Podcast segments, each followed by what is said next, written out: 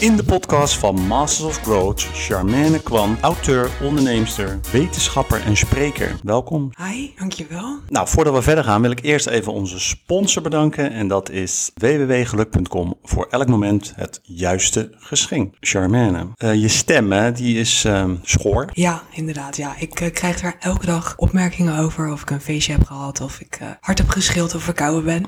Maar dat is allemaal niet het geval. Ik heb mijn stem overgehouden aan een operatie. Je hebt twee nieuwe longen. Ja, klopt. Ik heb een dubbele longtransplantatie gehad en ik heb best wel lang aan de beademing gelegen. En ik ben ook een paar keer opnieuw geïntubeerd. Dus dat wil zeggen van de beademing afgehaald en weer opnieuw aan de beademing teruggebracht. Omdat ik nog te zwak was om zelf te kunnen ademen. En dat heeft geresulteerd in uh, twee verlamde stembanden. En inmiddels ben ik er twee keer aan geopereerd. Nu kan ik weer uh, redelijk, weliswaar vol praten. Je stembanden die waren verlamd, en dus dit is eigenlijk gewoon een stuk beter geworden, zeg maar. Ja, want eerst, zeg maar, toen ik van de beademing afkwam, uh, ja, ik kon niet praten als je aan de beademing ligt. En dat uh, vond ik echt verschrikkelijk. Dus het eerste wat ik natuurlijk ging doen als je van de beademing af bent, is weer praten. En toen zeiden ze tegen me van, ja, we kunnen je niet horen. Dus ik dacht, oké. Okay. En uh, ja, toen voelde ik zelf ook wel van, er komt niet echt geluid uit mijn, uit mijn keel. Dus ik heb ook de eerste twee jaar na mijn transplantatie alleen maar kunnen fluisteren. Ja, en dat lijkt me heel frustrerend. Ja, zeker. Ja, dat is lastig. En word je ook wel eens gefrustreerd van die opmerkingen? Dat je denkt van... Uh... Ligt een beetje aan mijn humeur. Meestal zeg ik zoiets van, ja, zo praat ik altijd. Of ik zeg, ja, uh, leuk feestje gehad gisteren. En...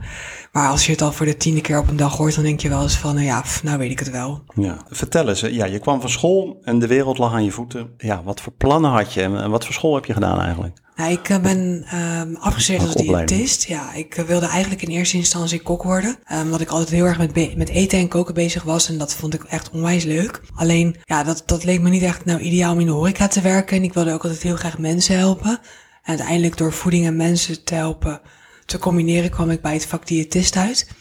En ik was net afgestudeerd als diëtist. Dat was in 2010, begin 2010 was ik afgestudeerd. En ik wilde me gaan specialiseren in hart- en vaatziekten. En mijn eigen praktijk starten. En ja, de, de wereld lag aan mijn voeten. Ik dacht, ik ga doen uh, wat ik allemaal leuk vind. Ik wilde veel gaan spreken. Je wilde echt gaan ondernemen. Je dacht ja. niet van, ik ga uh, in loondiensten. Nee, dat uh, trok mij totaal niet. Had je al doelen op dat moment? Nou, ik was nog wel vrij jong. Hè. Ik was toen uh, 24, dus het was meer van nou, kijken of je je praktijk een beetje kan opzetten. En dat was al een hele uitdaging, want je komt natuurlijk zo uh, blauw als ik weet niet wat van school. En dan ga je ineens voor het echt mensen adviseren over voeding. En ja, wat, wat ik wel snel merkte is dat ik de reguliere scholing van diëtetiek toch wel een beetje achterhaald vond. Dus ik wilde wel graag me verder gaan verdiepen in wat er nog meer allemaal met voeding mogelijk was. Ja, want hoe ging dat ondernemen? Ging dat goed?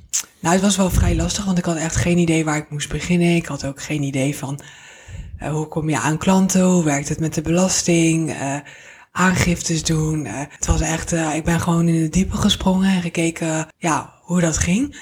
En eigenlijk ging dat vrij snel wel wel al goed. Dus ik had uh, gelukkig veel contact. Ik kreeg veel mensen via via binnen in mijn praktijk. En ik had wel zoiets van, wil je echt gaan werken met klanten of patiënten, hoe je het ook wil noemen, die bij je passen, moet je wel iets gaan doen wat je echt leuk vindt. Dus vooral je specialiseren was voor mij heel erg belangrijk op dat moment. Hey, en, uh, ja, en toen uh, sloeg het noodlot toe. Wat is er gebeurd? Hoe oud was je toen?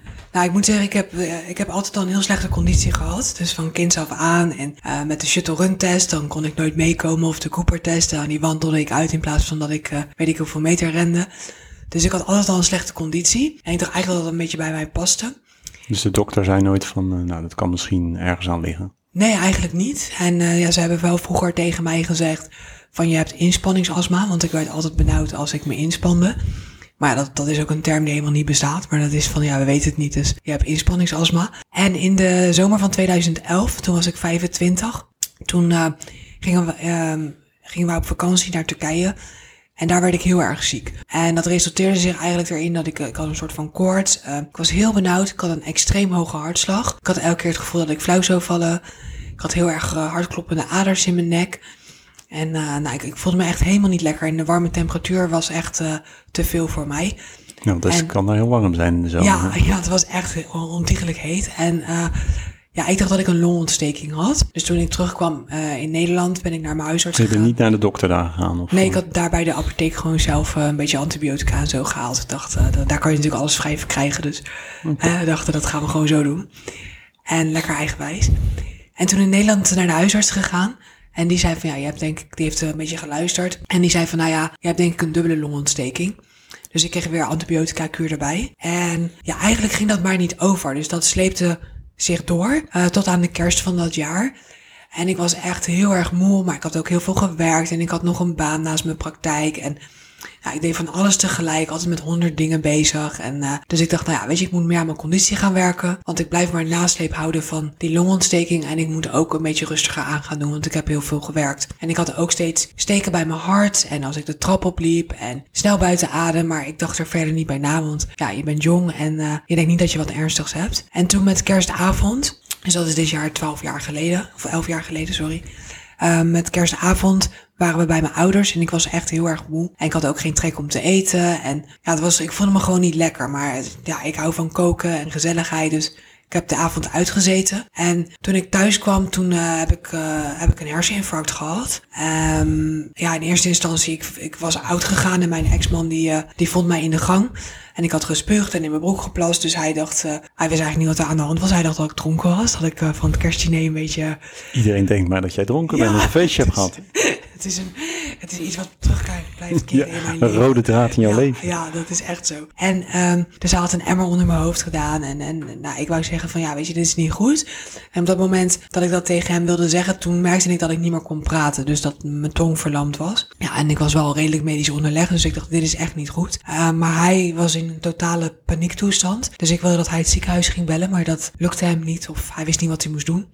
Dus ik dacht, nou dan sta ik wel op. En dan ga ik zelf wel uh, de dokter bellen. Maar toen ik op probeerde te staan, toen viel ik dus aan de rechterkant. Viel ik gelijk weer om, want heel mijn rechterkant was ook verlamd. En uh, nou ja, uiteindelijk uh, naar het ziekenhuis gegaan, gelukkig. En uh, daar dachten ze ook dat ik dronken was. Dus dat gebeurt wel vaker op kerst. Dat mensen niet meer uit de woorden Kun je in coma zuipen. Ja, precies. En nou, toen, toen kreeg ik daar in het ziekenhuis kreeg ik allerlei onderzoeken en toen bleek dat er wel echt iets ernstigs mis was met mijn hart. Uh, maar ze wisten niet wat. En toen uh, heb ik een paar dagen in het ziekenhuis gelegen voordat ik uh, de diagnose kreeg. En wat was de diagnose? Ja, nou ja, dat, de diagnose was dat ik, ik kreeg te horen dat ik waarschijnlijk nog maar één jaar te leven had. En ik moet voorstellen, ik was 25, dus dat was extreem heftig voor mij op dat moment. Ik had net alles een beetje voor elkaar en mijn onderneming liep lekker en een heel leuk leven, vond ik zelf. En ik uh, kreeg dus horen dat ik een progressieve en zeldzame ziekte had. Pulmonale arteriële hypertensie. En dat is een plaatselijk verhoogde bloeddruk in de longslagader. Die uiteindelijk leidt tot rechterhartfalen. En de rechterkant van het hart kunnen we eigenlijk niet repareren.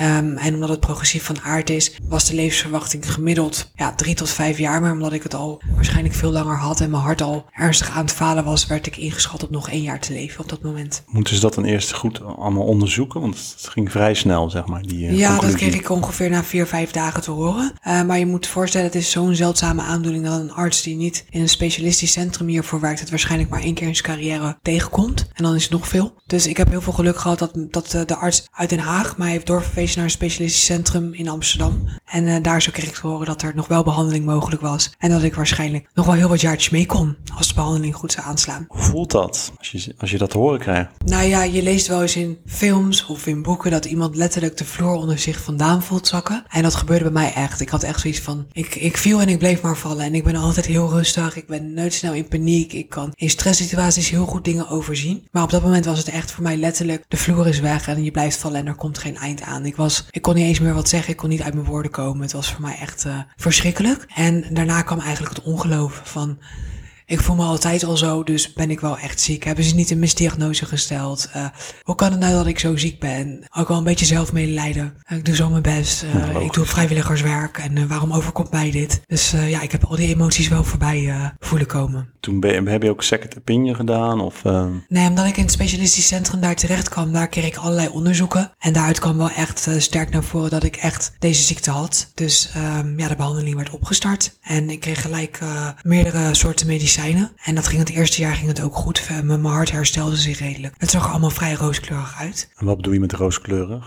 Je zou vijf jaar redden of zo? Of, uh... Ja, nou ja, ze zeiden toen tegen mij, als, je, als dit zo doorgaat, kan je nog wel tien jaar mee. Hoe voelt dat? Um, nou ja, ik moet zeggen, bij mij wakkerde het ook wel iets aan in mij dat ik dacht, ja, dat gaat mij gewoon niet gebeuren. Ik ga niet, ik ga niet dood, ik ga niet... Um, is dat ook dat ongeloof van, ja, het gebeurt mij niet? En, weet of... ik niet. Ik, het, het, is een beetje een soort, ik werd er heel erg strijdlustig van. Zo van, nou, ik ga wel even laten zien dat ik, uh, dat ik het anders ga op de doen. regel ja. Dat, dat heel erg, ja. Maar ja, uiteindelijk zijn je longen eh, dus ehm, vervangen. Wat, Ja. ja, wat heeft dat dan met je hart te maken? Kun je dat eens uitleggen? Nou, die ziekte zit in de longslagader. En de longslagader is de verbinding tussen het hart en je longen. En omdat ehm, de druk in die longslagader heel erg hoog is, is het, hebben de longen ook schade omdat er te weinig zuurstofrijk bloed door de longen wordt gepompt. Uiteindelijk wordt dus als de ziekte zo erg is, heb je kans dat je getransplanteerd kan worden om je leven te redden. En als dan de longen worden vervangen, wordt ook de longslagader vervangen, waardoor de druk weg is. En het hart is een spier, dus het hart kan zichzelf herstellen. Ons hart is echt heel erg eh, bijzonder daarin. Dus als de druk dan weggaat, kan het hart weer normaal gaan functioneren. Ja. En dat is bij mij gebeurd. Maar daar is natuurlijk wel heel veel vooraf gegaan.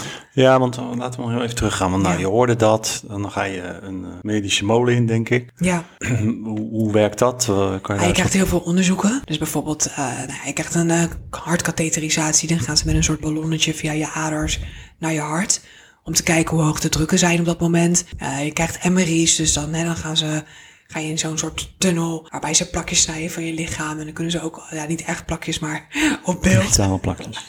Ja, en eh, daar kunnen ze ook allemaal data uithalen. Eh, je bent ineens een patiënt. Je moet vier keer per jaar op controle als het slecht gaat, eh, vaker. Nou, vanuit mijn vak als diëtist heb ik natuurlijk gevraagd van... is er iets wat ik met voeding kan doen? Nou, daar was eigenlijk helemaal niks over bekend op dat moment. Dus nou ja, ik dacht ik ga gewoon zelf eh, dingen experimenteren. Kijken hoe ik bij mezelf mijn kwaliteit van leven kan verhogen. Ehm, je, gaat, eh, ja, je gaat toch wat bewuster leven op dat soort vlakken. En nou, het ging, het ging een tijdje goed. Maar uiteindelijk merkte ik na ongeveer anderhalf jaar... dat ik met vliegen weer wat benauwder werd. En dat het wat minder goed ging. Met vliegen? Ja, in het vliegtuig. Dus eh, met vakantie gaan, dat ik dan echt veel meer vocht vasthield. En nou, dat zijn toch wel vaak tekenen van hartfalen. En toen nou, begon er eerst een plaspil erbij. En uiteindelijk um, bleek het toch wel dat ik wel heel erg achteruit was gegaan. Uh, ondanks dat ik me nog steeds goed voelde. Hè? Dus dat, dat was, er was zeg maar een heel grote discrepantie tussen mijn klinische waarden en hoe ik zeg maar klinisch oogde. Dus dat, is, dat was een heel groot verschil. En Komt dat omdat je ook jong bent? Dat je gewoon vol levenslust zit? Ja, dat, de, deze ziekte komt vrij veel bij jonge vrouwen voor. Dus de vorm die ik heb uh, of had. Um, maar ik ben altijd wel een persoon geweest die, uh, die altijd gewoon doorgaat. Die altijd ja, denkt in mogelijkheden, niet in beperkingen. Dus ik denk dat het ook wel een beetje persoonsgerelateerd is. Uh, maar ik voelde me altijd gewoon wel vrij goed. En misschien ook omdat ik deze ziekte al van jongs af aan heb. Hè, want net zoals die inspanningsastma, dat bestaat allemaal niet. Dat was gewoon al die ziekte die sluimerde bij mij. Dus... Hm. Het is natuurlijk heel anders als jij door ander toedoen zo'n ziekte ontwikkelt waarbij het van de een op de andere dag ineens extreem slecht met je gaat. Bij mij is het natuurlijk een heel geleidelijk iets geweest. Dus ik heb mezelf daarop aangepast. En toen, uh, nou ja, na anderhalf jaar ging het... Uh... Ja, ging het slechter en toen kreeg ik een, uh, een medicijnpomp. Dus dat, dat, dat is zeg maar ook een ja, paardenmiddel wat ze nog extra bovenop alle tabletten aan mij gaven. En dat was een pomp. Um, nou, die moest je dan met een naald in je buik zetten. En nou, dat medicijn was heel agressief. Dus ik kreeg er ook heel erg ontstekingen van. En nou, zonder te veel uh, in het drama te vallen, maar dat ging ook ontsteken op je botvlies. En zelfs morfine hielp niet meer daartegen. Dus op een gegeven moment had ik helemaal geen kwaliteit van leven meer. Veel en pijn. Heel veel pijn, extreem veel pijn. Dat ik ook nog steeds in mijn praktijk aan het werk was met tussen elke patiënt. Ik had een praktijk aan huis, dan ging ik in bed liggen om even bij te komen. En dan stond de volgende alweer en dan krapeerde ik van de pijn. Maar je wilt toch ook professioneel zijn. Dus, en er moet geld verdiend worden. Dus dan zat ik er weer. En um, uiteindelijk heb ik die pomp, is zeg maar van onderhuids, is die gewoon in een ader gezet. Via een soort katheter doen ze dat. En toen had ik geen pijn meer. Dus toen uh, dacht ik van nou, dit is weer een verlichting. Maar toen bleek wel op dat moment dat ik al dermate achteruit was gegaan dat we over longtransplantatie moesten gaan praten. Want je longen waren gewoon uh, op of zo. Mijn hart was op. Dus die longen moesten vervangen worden om mijn hart te kunnen redden. En je hart zou het dan zelf weer kunnen... Ja, ja. Omdat dat een, uh, wat zei je nou, een groeiende spier is? Ja, het is een spier. En wat wij, ja, het hart is gewoon een heel bijzonder orgaan. Wat zichzelf kan herstellen als de condities daarvoor goed zijn. En toen moest je dus twee nieuwe longen hebben. Maar die Ja. zijn niet, liggen niet ergens op een plank, Nee, die liggen niet in de winkel. En ik had er zelf ook wel een behoorlijke drempel voor. Omdat ik, hè, wat we net al hadden besproken was, nou, ik was heel erg eigenwijs. En ik wilde vooral ik het zelf wel even. Ja, ik, ik ging de uitzondering worden. Dus dat was voor mij een enorme klap. Ik, voor mij was het echt, als ik die transplantatie zou gaan doen, zou het voor mij opgeven zijn. Dus ik heb ook nog, ja, vanaf het moment dat we daarover begonnen te praten, denk zeker nog wel anderhalf jaar proberen te rekken voordat ik er zelf klaar voor was om op die wachtlijst te gaan. Op dat moment ging het echt, echt heel slecht met mij. Ik kon niet eens meer zelf de liftdeur open doen. Ik kon niet meer mijn haren zelf wassen. Ik kon niet meer mijn hond uitlaten. Als ik naar de bakker reed in de auto, dan moest ik, als ik mijn auto had geparkeerd voor de deur van de bakker, eerst een kwartier op adem komen voordat ik de stoep over kon steken. Dus dat, dat is echt ja, je kan je niet voorstellen hoe slecht dat op dat moment ging. En toen werd ik opgenomen in het ziekenhuis, omdat ik natuurlijk, ja, mijn lichaam was op. En toen zeiden ze tegen mij van, nou, we kunnen die transplantatie nog wel uitstellen. En dan gaan we een gaatje maken in je hart. En toen zei ik van, nou, weet je, waarvoor heb je dat niet eerder gedaan? En uh, had dat dan gelijk gezegd, want dan gaan we dat doen. En, een gaatje in je hart. Ja, een gaatje in je hart, want dan zou de druk lichter worden in die longslag. Of uh, zeg maar, zou de druk verlicht worden in, in, in de rechterhelft van het hart. Daar was die druk heel hoog. En dan zou dat allemaal een beetje kunnen ontlasten. Dus ik dacht van, nou, doe dat dan gewoon. En zeiden ze van, ja, uh, een tijdje is nog wel een relatief begrip. Hoe lang je dan nog mee kan. Want dan hopen we dat je de kerst nog haalt. En dat was 1 september. Zo. En toen dacht ik, ja, ik ben eigenlijk gek ook, weet je wel. Ik wil leven, ik heb nog zoveel dromen, plannen. Ik wil nog zoveel bereiken. En um, toen heb ik gezegd van... Uh, Weet je, ik ben het ook zo zat om ziek te zijn. Dus ik wil gewoon die transplantatielijst. Ik wil gewoon weten hoe het is om maar, je En heeft die dokter dan ook niet gezegd van ja, je moet wel opschieten, want er staat een wachtlijst. Ja, tuurlijk, ze gingen elke dag met mij in gesprek. Maar ja, je kan. Dat was eigen lijst. Ja, als ik iets in mijn hoofd heb, dan zit het niet in mijn kont, zeg maar. Dus dan, het, het, ja, het gaat gewoon zoals ik het op dat moment wilde. En achteraf gezien ja, is dat natuurlijk echt uh, zo eigenwijs geweest dat het bijna mijn dood is geworden. Want ik, toen ik op de lijst ging, krijg je natuurlijk allemaal onderzoeken. En dan wordt er een beetje ingeschat van, nou over hoe lang die longen er zijn. En je moet het ook niet onderschatten, want er staan volgens mij in Nederland gemiddeld 2 à 300 mensen op de wachtlijst. En van met de ziekte die ik had, worden er per jaar ongeveer maar twee getransplanteerd. En vaak worden patiënten al te ziek dat ze ook niet meer transplantabel zijn. Hè? Dus dat, dat is ook nog eens een keer een risico. Um, ja, toen, toen kwam ik op de lijst. Toen had ik echt een heel snelle achteruitgang. Want ik zou ongeveer, ze hadden verwacht dat ik binnen een half jaar wel longen zou krijgen. Maar ik werd toen permanent in het ziekenhuis opgenomen. En vanaf het moment dat ik groen licht had, dus dat betekent dat je echt definitief op de lijst staat en dat je ja. transplantabel bent, heeft het nog maar zes weken geduurd voordat mijn longen er waren. En dat is normaal, duurt het langer? Twee, drie jaar. Zo, dus daar heb je wel uh, Ik stond nummer één. geluk gehad. Ja, hoog urgent, Europees. Ja, dus dat is uh, extreem veel geluk gehad. Nou, en, en wat gebeurt er dan? Dan gaan die longen erin. Ja, die longen gaan erin. En, uh, dat is natuurlijk een hele zware operatie. Ja, je gaat, ik ben, ben acht uur onder narcose geweest. En daarna nog een week uh, in coma, omdat ik uh, coma onder, ja, in slaap. Dus, zware, zware verdoving gehad, omdat ik te zwak was om überhaupt wakker te mogen worden. Ik lag aan de dialyse, mijn nieren werkten niet meer. Ik lag aan een hartlongmachine, um, aan de beademing. Nou, ni eigenlijk niks deed meer. Ik was gewoon een omhulsel. En, kan je daar uh, iets van herinneren? Of, uh... Nou, niet toen ik onder narcose, zeg maar niet die week dat ik helemaal weg was. Maar daarna heb ik alles op de IC heel bewust meegemaakt. Ja, en op de IC duurt elke seconde een dag voor je gevoel. Dus uh, dat is, uh, ja, dat, dat was wel een heftige tijd. Uiteindelijk na vier en een halve week wakker en heel veel complicaties is het me eindelijk gelukt om van de beademing af te komen. En dan lig je nog een hele tijd in het ziekenhuis. Ja, toen mocht ik uiteindelijk, mocht ik, uh, het is ook wel grappig om te vertellen, want ooit met kerst is het begonnen, hè? want met kerst kreeg ik die dia. En vijf jaar later, met kerst, ging ik van de beademing af. Dus toen was de cirkel eigenlijk uh, rond, ja. om het heel gek te zeggen. En dat heb ik ook al die tijd gezegd. Hè? Dan zei ik, met kerst gaat alles weer goed. En dat is ook, uh, die mantra is ook uh, gelukt uiteindelijk. Maar dan moet je nog gaan herstellen, want ik kon niet eens lopen. Ik heb alles weer opnieuw moeten leren. Dus dan ga je naar, naar de afdeling medium care en pleegafdeling. En dan ga krijg je fysio, moet je leren lopen.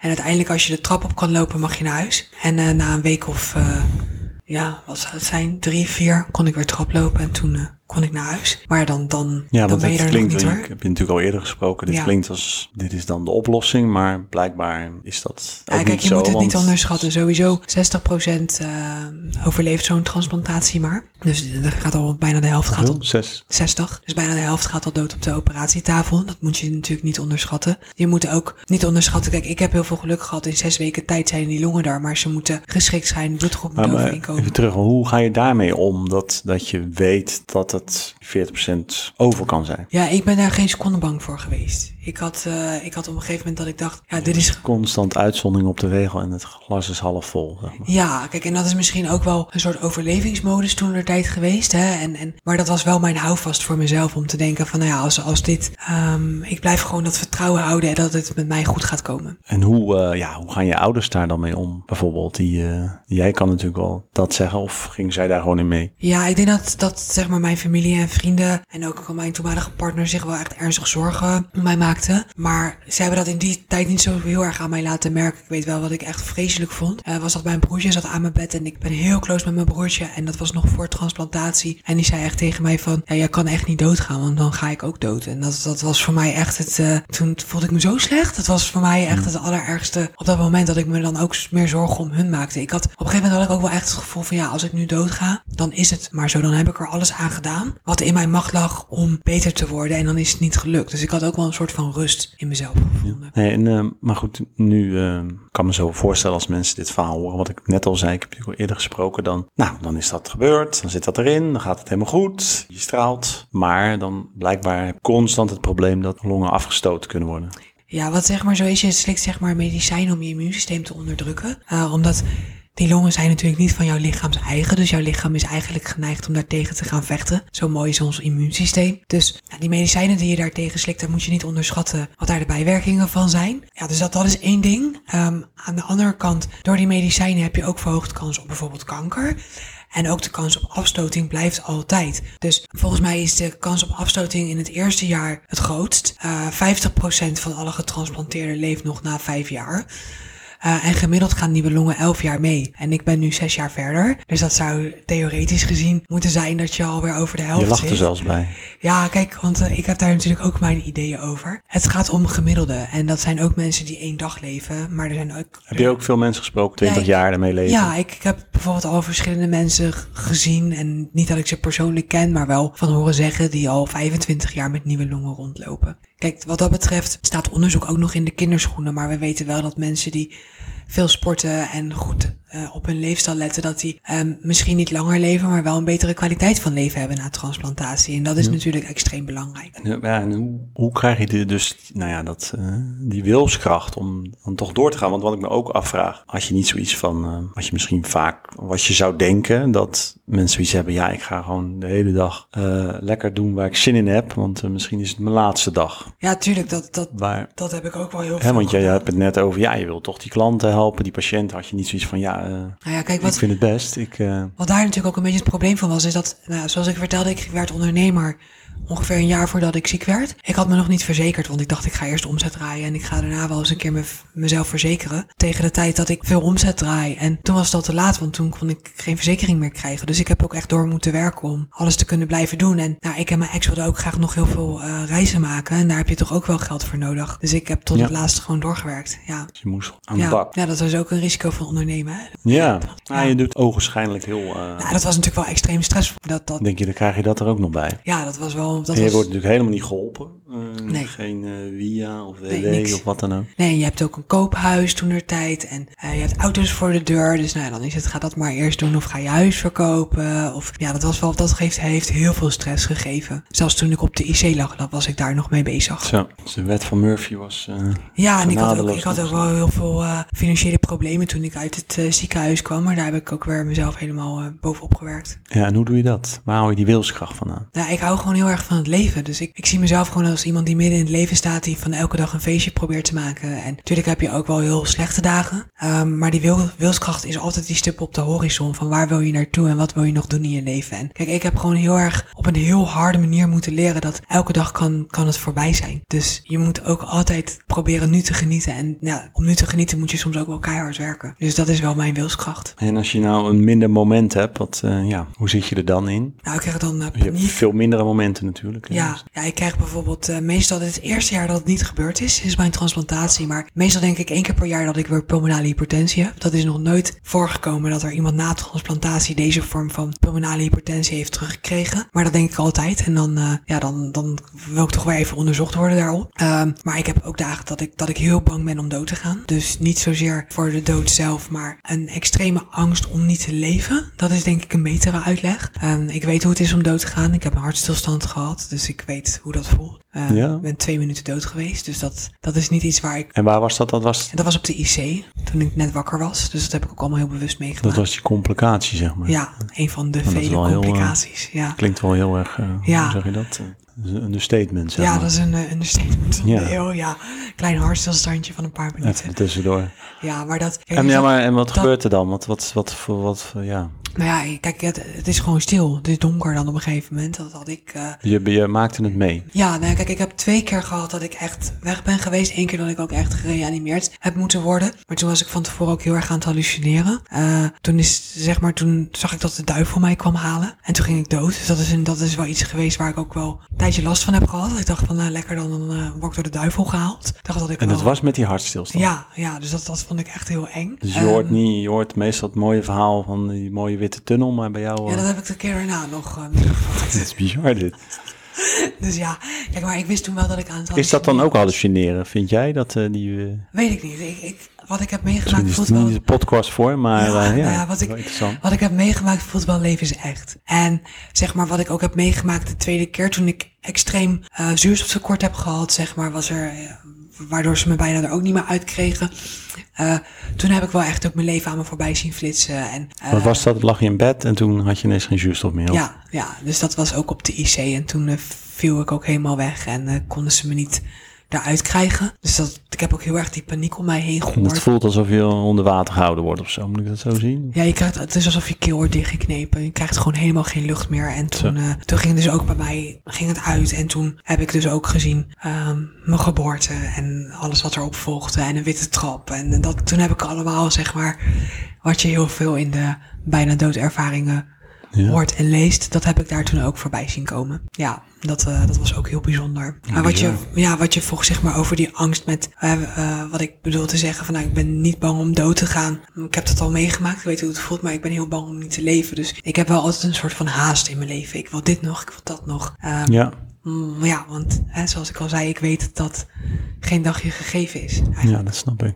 Denk je dan ook heel na, veel na over wat hierna dan is? Kom je daar niet uit? Of? Ja, ik kom de, de ene, het ene moment dan ben ik er heilig van overtuigd dat, er, hè, dat je energie door blijft gaan. En, en ook de dingen die ik heb gezien en gevoeld. En dat het allemaal zo is. En het andere moment denk ik, ja, dan is het gewoon klaar. Hè? Dan, dan, dus dat, ehm, maar daarvoor probeer ik wel mijn tijd hier zo nuttig mogelijk te besteden. Ja. En dat, eh, ja, dat, kijk, je moet daar ook niet te veel in blijven hangen, denk ik. Om daar continu over na te denken. Want dan maak je jezelf denk ik ook niet gelukkiger. Dan ben je alleen maar bezig met het einde. Terwijl juist het hele pad naar het einde toe, dat is wat het leven zo leuk maakt. Mooi. Toch nog even terug naar die vraag. Ja, dan zou je toch denken van oké, dan ga je dus eh, elke dag op vakantie, elke dag naar een pretpark. Maar dat, dat is het dus niet. Of is juist het werken voor jou? eh, Ja, ik hou extreem veel voldoening uit mijn werk. Ehm, ik doe echt alleen maar wat ik leuk vind in mijn werk. Dus daar ben ik ook wel heel erg in veranderd. Vroeger deed ik bijvoorbeeld in mijn praktijk als diëtist heel veel mensen aannemen. Dat ik dacht van ja, weet je, je wilt toch omzet halen. En eh, elk advies is meegenomen. Maar ik heb nu gewoon een soort sollicitatieprocedure. Als jij bij mij eh, onder behandeling wil, dan moet je ook aan eisen voldoen. Ik behandel ook alleen maar heel je hebt geen specifiek. time voor time wasters, zeg maar. Ja, nou ja, inderdaad. En ik, ik doe eh, heel specifieke mensen behandelen. Eh, dus eh, complexe gevallen. En dat vind ik leuk, omdat ik zelf ook een complex geval ben geweest, of nog steeds ben. En om dan met iemand zijn voeding uit te gaan puzzelen, om iemand zijn kwaliteit van leven te verhogen, dat vind ik echt gigantisch leuk.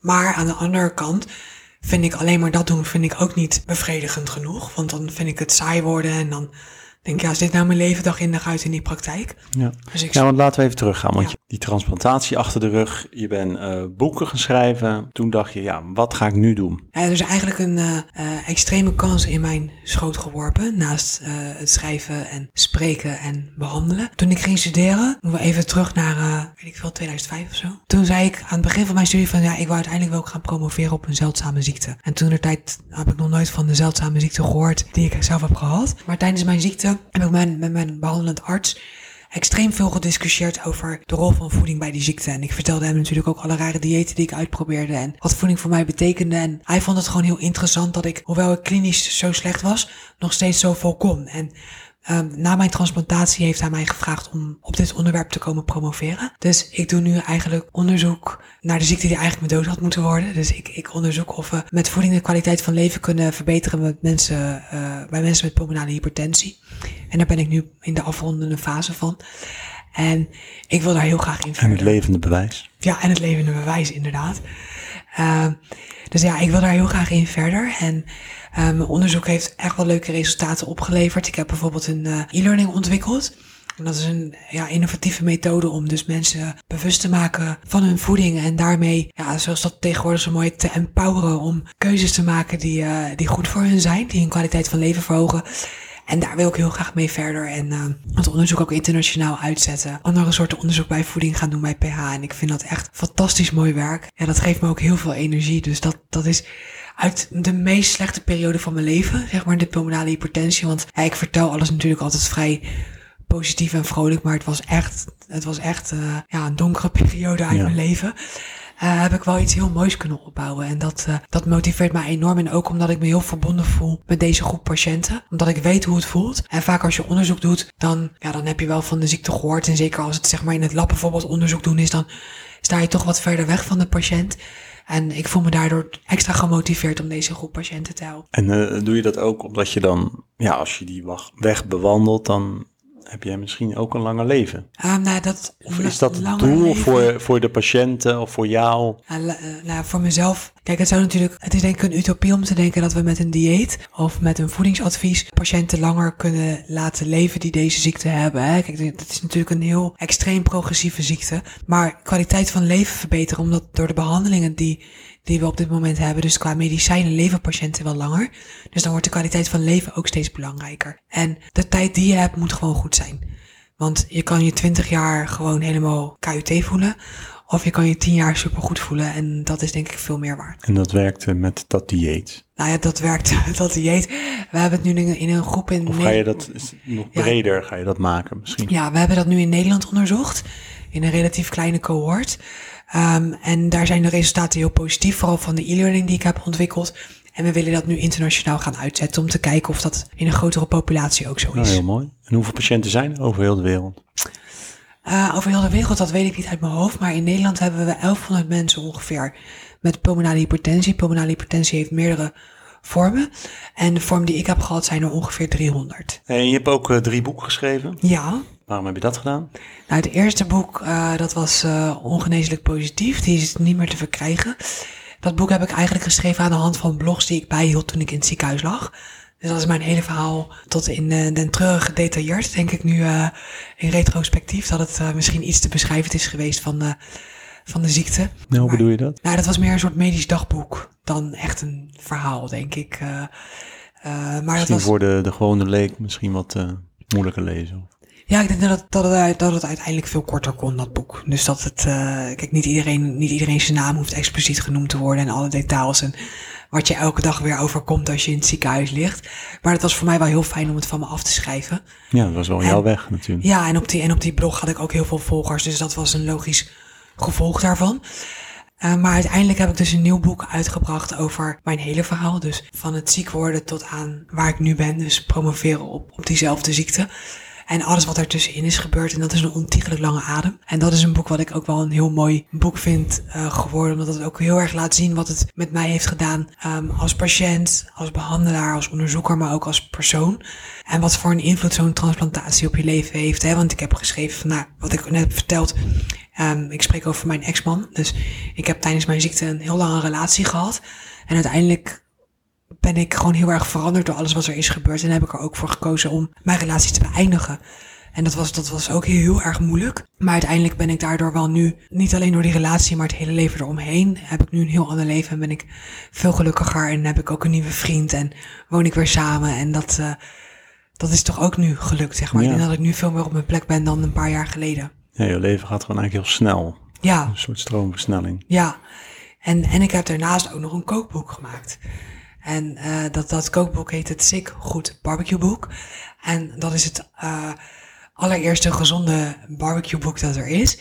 Uh, met daarin recepten met heel veel groenten, weinig suiker, uh, beperkt zout. Eigenlijk geen suiker moet ik zeggen. En het idee was om dus een kookboek te maken wat geschikt is voor pulmonale hypertensiepatiënten. Maar in de breedste zin eigenlijk voor iedereen met hart- en vaatziekten of die aan zijn gezonde leefstijl wil werken. En aan dit boek hebben ook aantal bekende chefs meegewerkt, zoals Julius Jaspers, Tilly Breyen, uh, Restaurant in Nederlanden, ook een sterrenzaak. En die hebben hier aan meegewerkt omdat wij dit boek hebben gemaakt om geld in te zamelen voor meer wetenschappelijk onderzoek naar voeding bij ziekte. Want ik heb geleerd uh, door de jaren heen als onderzoeker dat geld krijgen, funding krijgen voor onderzoek is moeilijk. Maar als je onderzoek doet naar voeding, dan is het bijna onmogelijk. Dus ik dacht, nou, dat ga ik dan zelf maar proberen op allerlei manieren. Hey, en um, een vaste vraag van onze sponsor, die we eigenlijk in elke podcast hebben, www.geluk.com. Wanneer is geluk nou een moment geweest in jouw carrière, leven? Heel veel pech gehad? Wanneer maar wat was nou dat je dacht van, nou, daar had ik nou geluk. Nou, ik denk dat uh, als we kijken naar dit, dit verhaal, dan zijn er denk ik twee punten voor mij die echt heel, heel erg belangrijk zijn. Of misschien wel drie. Um, het eerste punt is dat ik natuurlijk die longen kreeg, want die hadden echt eigenlijk geen dag later moeten komen. Dat, dat is ook letterlijk zo gezegd tegen mij. Ja. Dus dat is extreem geluk. Ik denk dat het hele pad in mijn carrière wat ik bewandeld heb, dat ik daardoor nu ook heel erg gelukkig ben. En ik ben ook heel erg trots erop dat ik binnenkort ga promoveren en mezelf dokter mag noemen. En uh, daar heb ik keihard voor moeten werken. Maar ik heb natuurlijk ook geluk gehad dat dit zo op mijn pad is gekomen door alles wat ik heb meegemaakt. En ja, geluk in mijn leven. Ik denk dat ik nu helemaal op mijn plek ben en dat ik op een heel harde manier heb moeten leren dat je jezelf centraal moet stellen. En ook voor jezelf moet durven kiezen. En dat doe ik elke dag opnieuw. Maar wel, ja, met focus op mijn carrière, want daar word ik ook heel gelukkig van. Ja, ja want hoe hou je die uh, werk-privé-balans? Of die is er bij jou misschien? Nou, nagenoeg niet. Dat is nee. ook soms waardoor... Je doet dan, gewoon wat je leuk vindt. Ja, ik doe wat ik leuk vind. En ik probeer altijd één dag in de week niet met werk bezig te zijn. Maar ja, mijn werk is voeding, dus... En word je daar blij van? Die één dag per week dat je niet met werk bezig bent? Ja, het is lastig. Het is okay. lastig, maar... Uh, kijk, Denk je niet bij jezelf, ja, waarvoor werk ik niet? Want dan heb ik het naar mijn zin. Dan... Ja, kijk, ik probeer, soms doe ik nog wel eens even een uurtje schrijven of zo bijvoorbeeld. Ik werk nu bijvoorbeeld ook aan een, aan een nieuwe keynote. En dan ja, heb ik ineens een ingeving. Denk, nou, dan ga ik daar nu even wat dingen voor doen. Dus dat vind ik dan heel leuk. Maar ja, wat ik al zei, mijn vak is voeding. Dus ik ben er eigenlijk altijd mee bezig. Want ik kook altijd meestal twee, drie keer per dag. Ja, dus dan, dan ben je sowieso al met je vak bezig. Dus mijn vak is zo verbonden met mijn leven dat het eigenlijk onmogelijk is om uh, daar niet mee bezig te zijn. Hey, en uh, nou ja, gezondheid is je, is je kostbaarste bezit. Hè? We hebben vaak natuurlijk mensen in de, in de podcast die heel veel bezitten. Kan ja. je daar nog iets over zeggen voor de, de luisterende ondernemer? Van ja, wij beseffen natuurlijk, uh, we beseffen allemaal dat gezondheid natuurlijk het belangrijkste bezit is. Ja. Maar jij hebt dat natuurlijk aan de lijve ondervonden. Ja, ik denk, zeg maar, ik heb heel veel geld gehad. Ik heb heel weinig geld gehad en alles wat ertussenin zit. Eigenlijk heeft het voor mij niet uitgemaakt hoe gelukkig, op dat, hoe gelukkig ik op dat moment was. Tuurlijk ben je gelukkiger als je lekker kan zeggen van nou, ik ga morgen op vakantie. Maar die vakantie is ook niks waard als je niet gelukkig bent of je bent enorm gestrest. Of, hè, dus dat heb ik daar heel erg van geleerd. En mijn geluk zit echt in mijn gezondheid. Dus hoe ik me voel. Maar hoe ik me voel is ook heel groot verbonden met het geluk wat ik haal uit mijn werk dat ik doe. En heel veel mensen zijn gewoon niet gelukkig in hun werk. In Nederland is het volgens mij 42% van de mensen doet iets wat ze eigenlijk niet leuk vinden. En blijven maar doorgaan met het werk wat ze doen, omdat er toch geld moet binnenkomen. En soms moet je ook durven het roer om te gooien. Ja. Dat, uh, en dat heb ik meerdere malen gedaan. En dat uh, heeft tot nu toe goed uitgepakt. Ik ben er denk ik alleen maar uh, steeds beter van geworden en steeds gelukkiger. Nou, dat vind ik een hele mooie afsluiter. Ik wil jou heel erg bedanken voor dit prachtige verhaal. Ja, jij bedankt Maurice. Ik vond het erg leuk dat ik mijn verhaal mocht delen. Dankjewel. En onze sponsor www.geluk.com voor elk moment het juiste geschenk.